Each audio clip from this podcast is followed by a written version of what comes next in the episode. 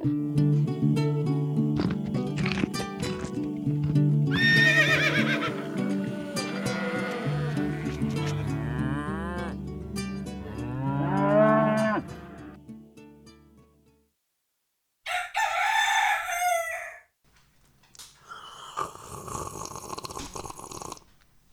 morgen. Det var kaffe, det. Det var kaffe. Det var godt. Det var kaffen sin. Hei, hei, hei. Hvilken kaffe drikker vi? Det er jeg som har laget den, så det vet jeg. Ja. Hva kaffe drikker vi? vi drikker um, Vi drikker Tim Team Wendelboe Ja, sin nettopp. eh, Ikke sant. utrangerte kaffe. Ja. Som er fremdeles veldig god kaffe. Så Ja. hurra for oss. Uh, hei, og velkommen til Gjengeroll pludrekast. Hei, hei. Du, Kjetil, jeg har hørt på de siste episodene vi har spilt inn. Er det ille? Og em, jeg vil si at uh, en av oss spesielt, og kanskje jeg, høres uh, veldig um, uh, trøtt ut, kanskje? Eller litt sånn lav på energi. Det var nesten sånn at jeg ble litt deprimert. Nei, det er, det er ikke greit å si, man skal ikke tulle med, med diagnoser. Men, um, men jeg ble ganske nedstemt av å høre meg sjøl prate. Mm. Så ehm, Det å spille inn podkaster klokken halv syv om morgenen på en mandag er Det er ikke optimalt, nok kanskje ikke optimalt. men det er det som av og til må til. Av og til. Ja, sånn er det. Det får dere bare tåle. Og så får jeg peppe meg litt opp på forhånd. Jeg kan eh, jage deg rundt huset. En Å, nei. runde. Nei, det Halv orker sju jeg om ikke. morgenen. Springer foran med en kopp kaffe. Se her. se her. Kom, kom så, kom så, kom så. Nei da, men nå er det Nå er det midt på dagen. Nesten. Vi har ikke spist frokost ennå, da, men um, det er fyr i peisen, og det er kaffe, og uh, Vi har allerede fått gjort litt. Ja, fordi vi klarer ikke helt Det, det er den rare balansen, det der. Eh, Imellom ukedager og helg, som du sånn i teorien driver med, fordi du driver med sånn kontorting. Um, og, og gården, som på en måte springer hver dag, uavhengig av det. Og så at du vil bidra når du først eh, har tid til det. Men altså, det er jo, regnestykket er jo enkelt. Hvis det skal være sånn at jeg skal ta 100 helg både lørdag og søndag hver helg, Mm. så kan ikke jeg gjøre noe særlig på denne gården. Nei. Og det, det er jo på en måte ikke et alternativ. Nei, sant. Det, men det er jo Det er jo forterende at eh, for å gjøre gård, så må en jobbe mye. Mm. Eh, det er liksom ikke noe alternativ. Eller alternativet er jo å drive stort, sånn at du kan ha ansatte i skift, liksom. Eh, det er jo potensielt alternativ. Men eh, det er vi jo ikke interessert i. Akkurat nå er det en katt her som står og skrabber på vinduet. Ja, men hun hopper jo ikke inn når jeg åpner vinduet. Nei, hun har jo begynt å drive med ring på spring. Hun hopper opp, klakke, klakke, klakke, klakke på vinduet. Så går vi bort og så åpner vi døra, så står hun og ser på oss. Eller bare går en annen vei, Katter er sadister. rett og slett. Um, denne uka har vi endelig fått sendt av gårde dyr. Halleluja. Det um, tok tid. lammene ble sendt på onsdag, og grisene ble sendt på torsdag. Ja. Og da eh, har jeg noen refleksjoner. Det ene er eh, Ja, jeg satt meg ned og grein en skvett etter at jeg fikk grisen av gårde. Men det at den prosessen tok så lang tid, gjorde at jeg sa jo farvel til dem opptil flere ganger. Um, samtidig som jeg òg bare var litt lei. Mm. Så det var litt godt, samtidig som det var litt vondt. Mm. Og det er jo Eh, veldig dumt at det skal være sånn. At vi liksom er glad for å sende det av gårde, fordi da er, det, da er vi endelig Ja, jeg syns det var forterende. Jeg ble litt irritert. Mm. Uh, det er ikke sånn det skal være. Jeg, jeg vil ha en, en fin, ren sorgreaksjon. Uten innblanding av frustrasjon. Ja, det er jo ikke grisene sin skyld, stakkars, at det Nei. er så mye tull. Så de fortjener liksom at jeg jeg At jeg eh, skjenker de de følelsene de skal ha. Mm. Det Og det har du jo på en måte også gjort, men over litt lengre tid, da. Ja, det er jo det som har skjedd. Ja. Så når, når vi endelig liksom hadde det klart, og, og visste at det skulle skje, og sånt, så satt jeg jo Jeg bytta beite, skifta Flytta grisene fra det gamle beitet de har gått på, ned til et uh, nytt beite. Vinterbeite får det bli i år. La oss håpe det ikke regner for mye. Som vi kan komme tilbake igjen til. Um, og da Ja, så det gjorde jeg da dagen før. Eh, det er litt mest fordi disse store grisene skal slippe å få masse bitte små griser som skal gå og så vasse i gjørma. Ja, for jo lenger og lenger denne slaktingen har blitt utsatt, jo nærmere i tid sammenfaller jo de to tingene. Det ene at vi skal sende grisungene, altså små unggrisene, da, til slakt. Og det andre at purkene våre skal få nye grisunger. Og vi vil jo helst eh, Ikke at det skulle skje helt samtidig, fordi at det er fint at purkene har litt rom og plass og sånn, men eh, når det tok så lang tid å få sendt av gårde unggrisene, så måtte du bare bygge en ny hytte og få flyttet dem?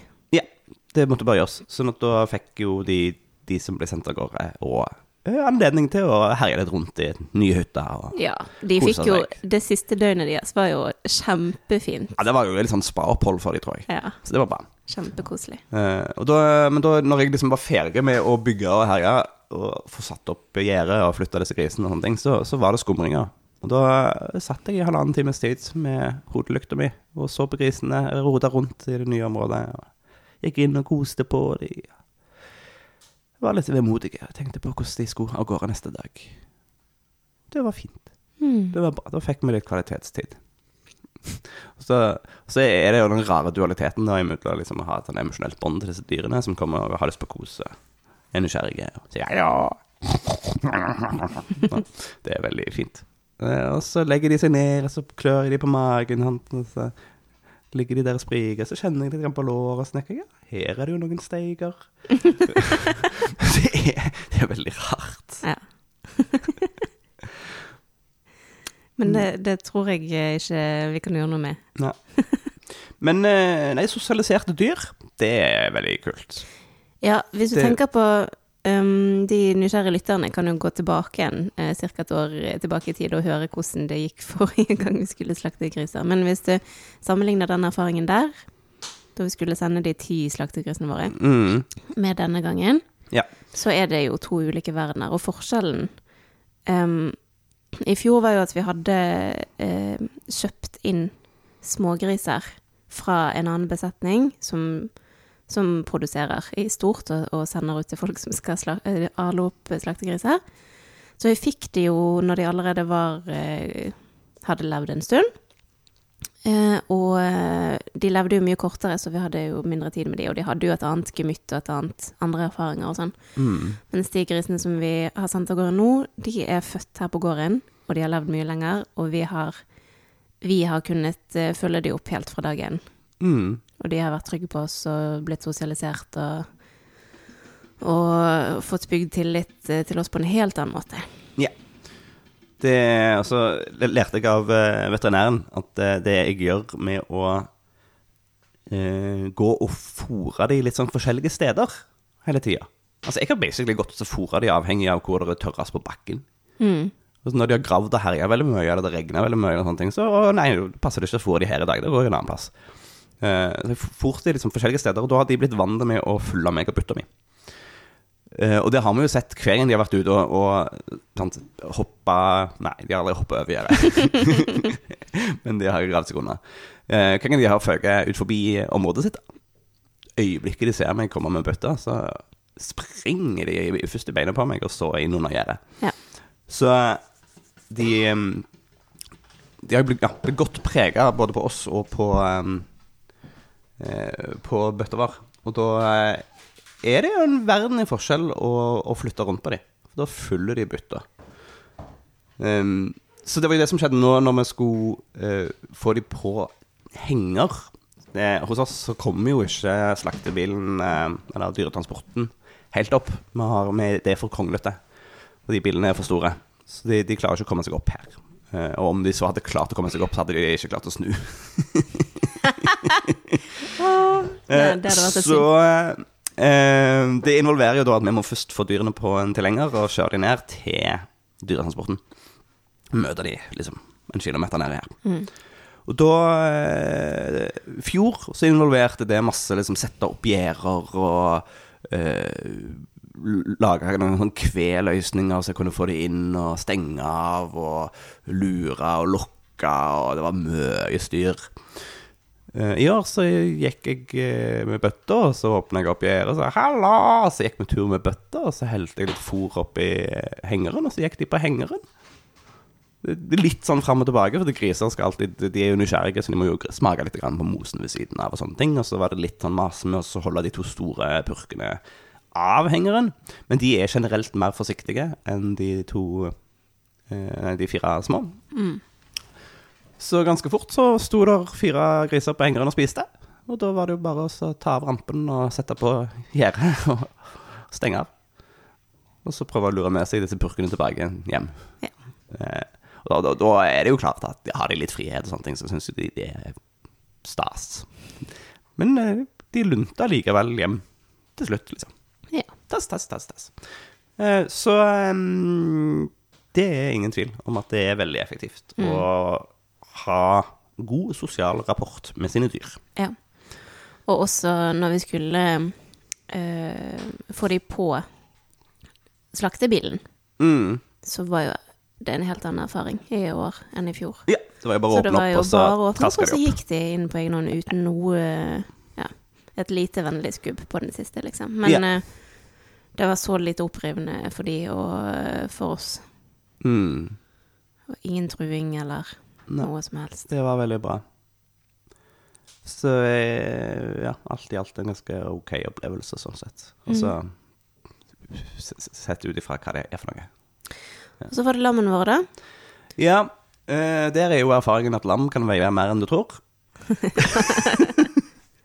jeg hadde um, Kvelden før så hadde jeg eh, eh, fått Det var en sånn logistikk der. For vi hadde jo da ti, rett og slett ni leverer, for vi hadde jo mista en. Og Eh, tre av de skulle være igjen. og tre de skulle være igjen, så det var seks av de som skulle av gårde.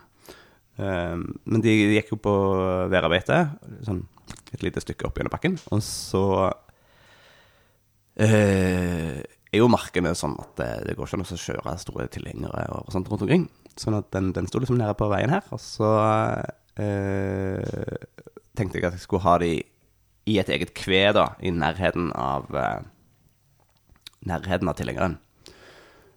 Eh, men fordi vær og sånt, altså ikke værer, men sånn regn, så eh, vil jeg ha det der hvor jeg har et lite skjul ute, uansett til de. Så var det, logistikken var jo da først å få damene inn i fjøset.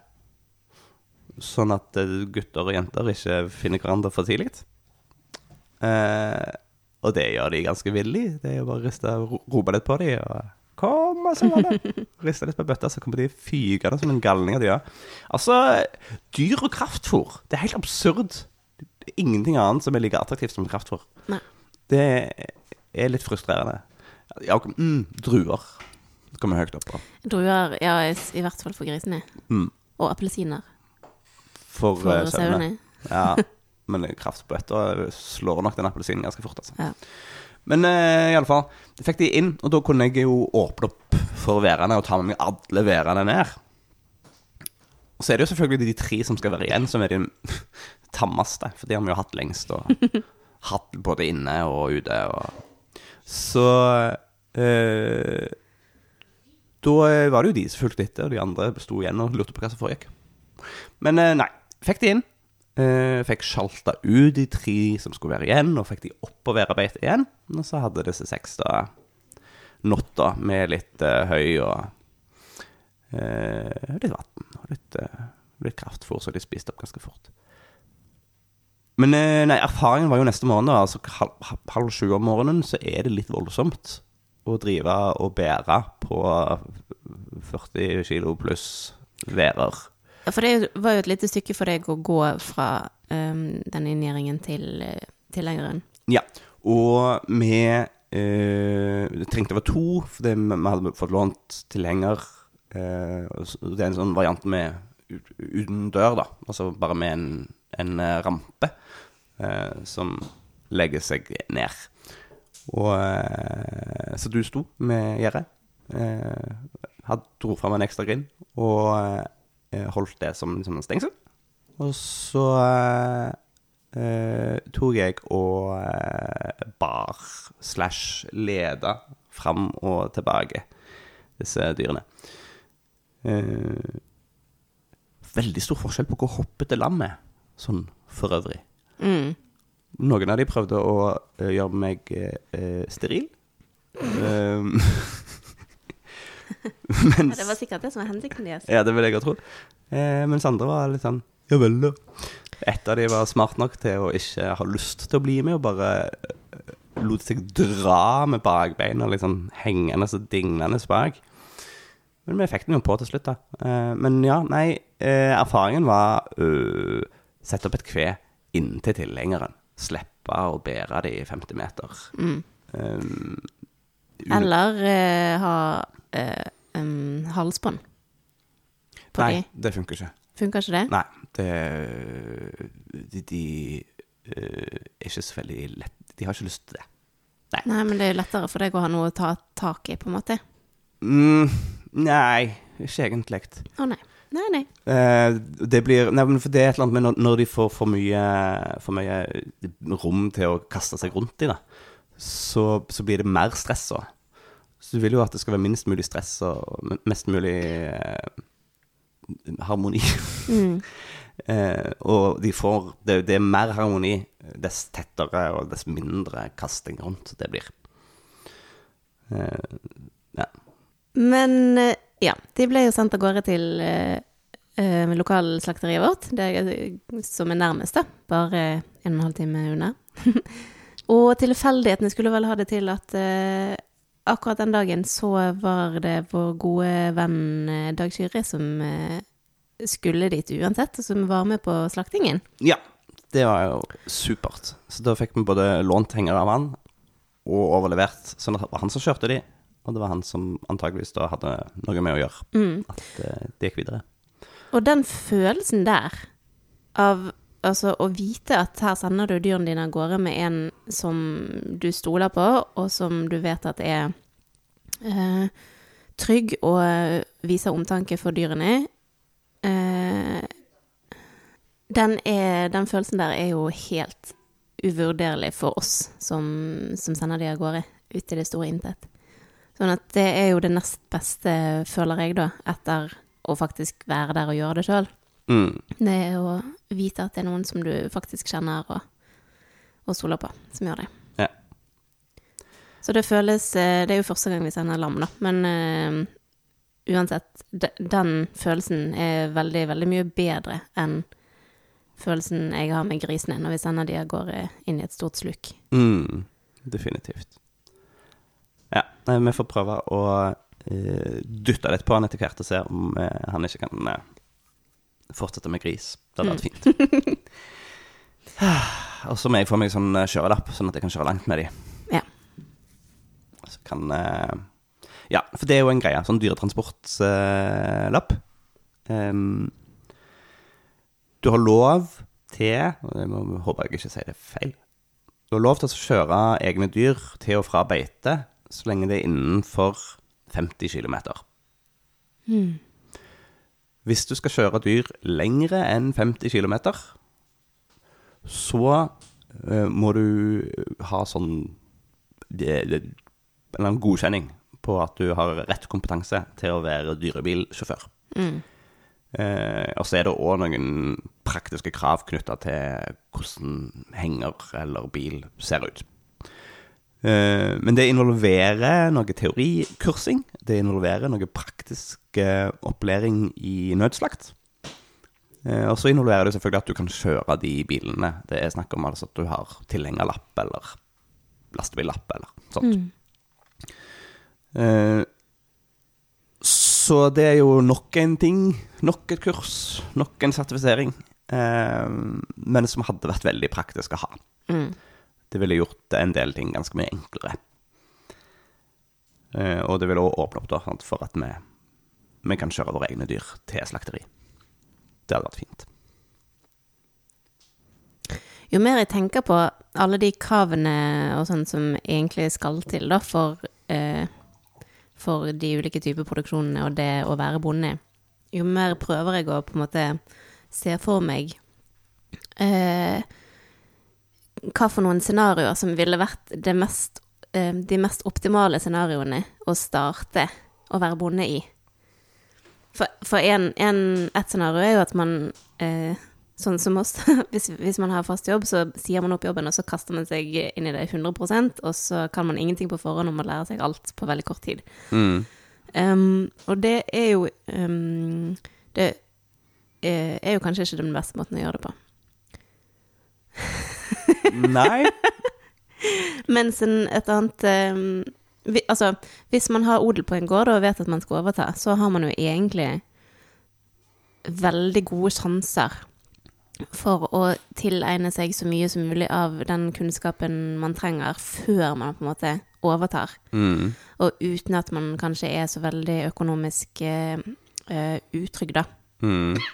For da har du jo enten har du enten muligheten til å bidra på gården som allerede er oppe og går, og som er veldrevet, eller så har du kanskje en annen jobb som du jobber i før du skal overta. Uh, og da kan man jo beholde den jobben helt fram til man faktisk gjør det skiftet. Og så er man forhåpentligvis nesten 100 klar fra dag én, da. Det er jo på en måte det ideelle.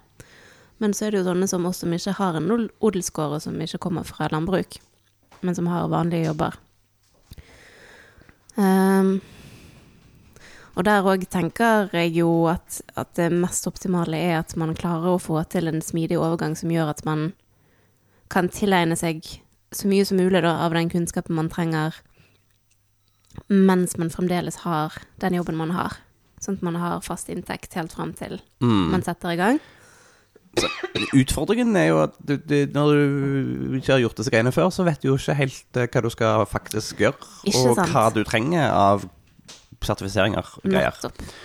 Uh, så jeg vil jo slå et slag for uh, landbruksskole, for de som har anledning til det. Mm. Men det er jo igjen Da har du en ganske heftig buy-in, da. For det er jo um, Som regel så mm, Du har noen helgevarianter, men det må, er jo ved siden av andre ting. Men hvis du virkelig skal få utbytte av det, eh, så, det, så bør du jo ta heltidsvarianten.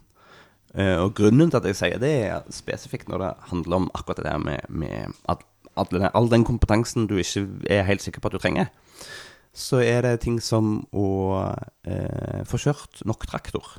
Eh, lært seg eh, motorsag og HMS knytta til det. Mm. Eh, det er mye sånne ekstra varme arbeider, tipper jeg at du vil få sertifisering på òg, hvis du trenger det. Eh, det er masse sånne ting som du får som en del av et sånn heltidsopplegg Ja. på en landbruksskole, som du ikke får hvis du skal ha helgesamlinger. Da må du på en måte ha det ved siden av. Um.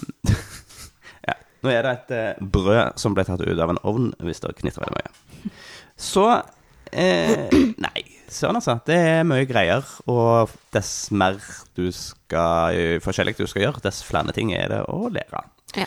Så, det beste er jo egentlig hvis du vet at du vil bli bonde når du er 16, og du kan ta den eh, agronomutdannelsen på heltid eh, på et tidspunkt i livet hvor du fremdeles ikke har boliglån eller eh, mm -hmm. Andre utgifter du må ta høyde for. Ja. Og så kan du komme hjem til mor og far og spise gratis mat eh, i feriene. Veldig bra plan. Ja. Yes. Kjør på. Heia, Det anfaller anbefaler vi til alle. Det er godt. Vi lovte forrige uke at vi skulle snakke om kjøttpriser. Ja, og vi, har jo bare, vi kan jo bare snakke kjøttpris, for vi har ikke regnet ut lammeprisen vi skal ta ennå. Eller sauekjøttprisen. Men du gjorde et regnestykke for Ja. oss å finne ut av hva grisen skal koste. Ja, jeg skulle jo sende ut informasjon til disse grisekundene våre og si hva det kommer til å koste. Og det er jo et eh, mm, en øvelse å skulle prøve å prissette riktig. Um, og det er vanskelig å vite hva som på en måte er fasiten der, men jeg jeg begynte med å ta for meg uh, utgiftene vi har hatt på grisene. Og mm, eh, sammenlignet litt med i fjor, og regnet ut liksom fòrkostnader og um, kostnad ved innkjøp av purkene og eh, veterinærutgifter og alt sånt som det. Og så så jeg på regningene fra slaktingen forrige gang, sånn at jeg gjorde et estimat på hva det ville koste denne gangen med de fire grisene vi har. Og så prøvde jeg jo å gjøre et anslag på tidsbruk, da, for vår del. Mm. Um, og i fjor så solgte vi kvarte griser til uh, Var det 185, tro? Kroner kiloen inklusive moms. Inkmoms. Mm. Ja, og det var dyr vi hadde i tre måneder. Ja. Uh, og nå er prisen for kvarte og halve griser uh, 240 kroner. Mm. Det er jo en markant økning. Det er en markant økning. Um, og da har jeg um, Hvis vi regner um, på den kiloen, da, den, hva det koster, så av 240 kroner Så mm, er 60 kroner ca. fôrutgifter. Og så har jeg regnet inn en kostnad på 20 kroner per kilo for innkjøp av de purkene. De kostet jo rundt 10 000 kroner å kjøpe inn. Mm. Og den kostnaden må jo på en måte på et vis fordeles, og da har jeg tatt noen av de kostnadene nå på disse grisene, og så blir noen Ja. av de på de neste grisene. Ikke sant. Og det blir jo bare Det blir jo liksom tenk på et tall, da, men Ja. det er litt for å synliggjøre de- de, kostnadene man har. På et eller annet tidspunkt så blir jo de purkene òg enormt mye mat. Um, sånn det blir spennende. og så deling av eh, eh, kjøttet koster uh, 16 kroner per kilo, og slaktingen koster 9 kroner per kilo, og pakkingen koster 4 kroner. Og så er frakten, den er jeg litt usikker på, men i fjor så kostet den 2 eh, kroner og 50 øre. mm. Og så er det moms som koster eh, 38 kroner per kilo. Og det gir, eh, når du legger sammen alle de, så blir det som du har igjen, det er 90 kroner til lønn og investeringer. Altså det som vi sitter igjen med, hvis, hvis eh, kiloprisen er 240. Um, og det er jo en jevn eh, kilopris som vi gir til eh, store kundene våre, på å si, de som kjøper større kvantum. Fordi at da får du jo både ribbe, og du får filet, og du får koteletter og sånn som det. Og de ville vi jo tatt ulike priser for hvis vi solgte det Mm. separat, men de får en flat pris for Ja. hele den pakken. Um, og hvis vi skulle tatt en pris som tilsvarer ikke en god lønn, men en helt grei lønn, jeg husker ikke helt, men kanskje 200 kroner i timen eller noe sånt som det, så skulle kjøttet vårt ha kostet eh, i hvert fall 300 kroner per kilo. Ja. Flat. Flat. Mm. Um, så ja, dette er en markant økning. Men hvis man regner på timekostnaden, eller time, timene vi bruker på de dyrene, så er det også egentlig for lavt. Mm. Men så er det jo da sånn at vi ikke kommer til å selge alt kjøttet i kvarte og halve. Vi kommer til å selge en del i, i stykningsdeler på Reko, Mm. sånn at kunder bestiller én pakke med koteletter, eller kanskje en, en, eh, en julepakke da, med ribbe og litt andre ting. Sånn at der kommer eh, kiloprisen til å være høyere på, yeah. de, på de enkeltstykkene. Mm. Eh, og det vil jo kunne hjelpe litt på, da. Eh, for å få liksom, inntekten vår litt opp. Hva tenker Og du om vi må jo eh, også huske på at en del av de, det som vi regner som inntekter, egentlig settes av til at vi skal fortsette å kunne investere videre. Sånn at vi tar jo ikke det ut nødvendigvis som lønn til oss sjøl, men det går inn i driften. Yeah. Og der er jo eh, avveiningen da Nå har vi hatt de grisene i åtte måneder. Um, det kan nok godt hende at kjøttet hadde blitt enda mer eh, Altså, de hadde blitt enda større, og kjøttet hadde blitt enda mer marmorert hvis de hadde fått leve enda lenger. mm. Og vi ville jo hatt en høyere timelønn hvis vi hadde hatt flere griser vi sendte til slakt nå, enn fire. Ja. Men um, så er det jo en grense òg for hvor mange griser vi kan ha på en gang på denne gården, fordi vi har ikke så Jeg- mye Jeg beitemark. tenker mye på det. For nå, nå, nå har vi jo termin på hun ene i dag, i teorien. Men nå så jeg jo ute og sprang og, og spiste og sånt, så da har hun ikke lagt seg til i redet helt ennå. Nei. Eh, men nå liksom, en, en av disse dagene så kommer det først eh, en, en, en pulje med nye grisunger, og så noen dager senere så blir det en pulje til. Og eh, da er det jo et eller annet sted mellom 10 og 20 nye griser som ramler inn på gården. Og når, vi, når, når de blir så store som de vi nettopp sendte av gårde, så er det ganske mye å håndtere. Men jeg tror nok at vi skal regne med at vi heller får 10 enn 20. Ja, antageligvis. Eh, Men selv med ti stykker, så er jo Altså, vi har jo gjort det før, så det er ikke, det er ikke uoverkommelig. Men eh, det kan jo være at vi skal uh, fordele det. At vi skal sende en runde når de er litt mindre. Eh, og så en runde når de er litt større. Ja. Litt sånn før og etter sommeren, kanskje. For For eksempel. eksempel. Vi får se. Eh, det går jo òg an å sende Altså, holdt på å si på bestilling. Altså Hvis det er noen som vil ha en hel gris til grilling, f.eks., så kan vi jo på en måte ta inn en bestilling på det, og så kan vi sende det av gårde eh, når det passer seg at det, dette arrangementet hvor de trenger en hel gris til grilling, mm. skal være. Ja. Og sånt. Det, for de, de vil antakeligvis være en ganske passe størrelse for en sånn et, et gilde.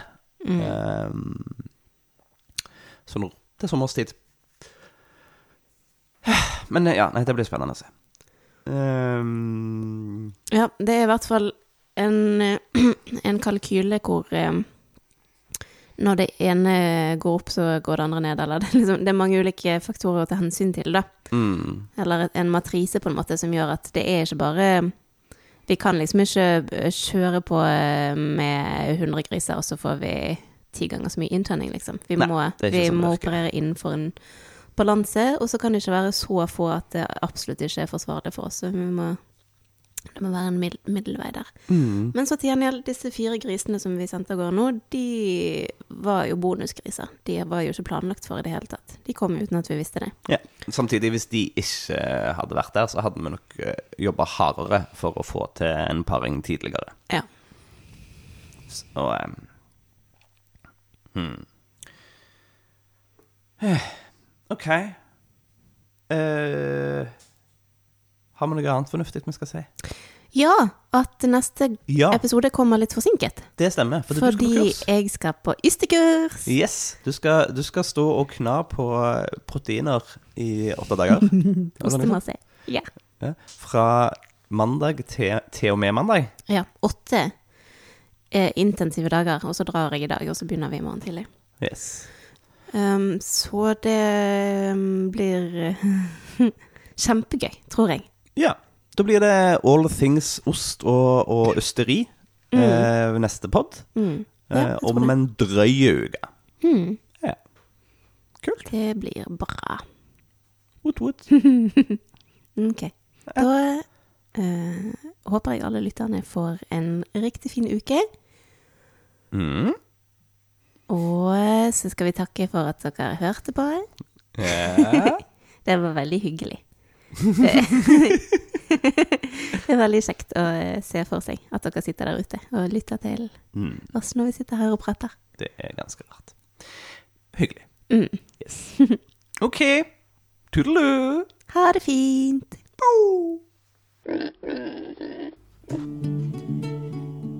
Tusen takk for at du har hørt på Gjengevold pludrekast. Hvis du har en tilbakemelding på podkasten, så blir vi kjempeglad for å høre fra deg.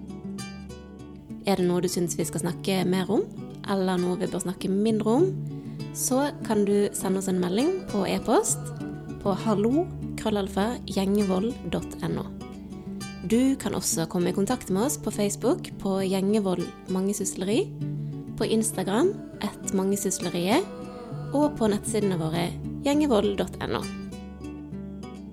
Vi setter utrolig stor pris på å høre fra deg, og vi blir ekstra glad hvis du har lyst til å dele denne podkasten med en venn.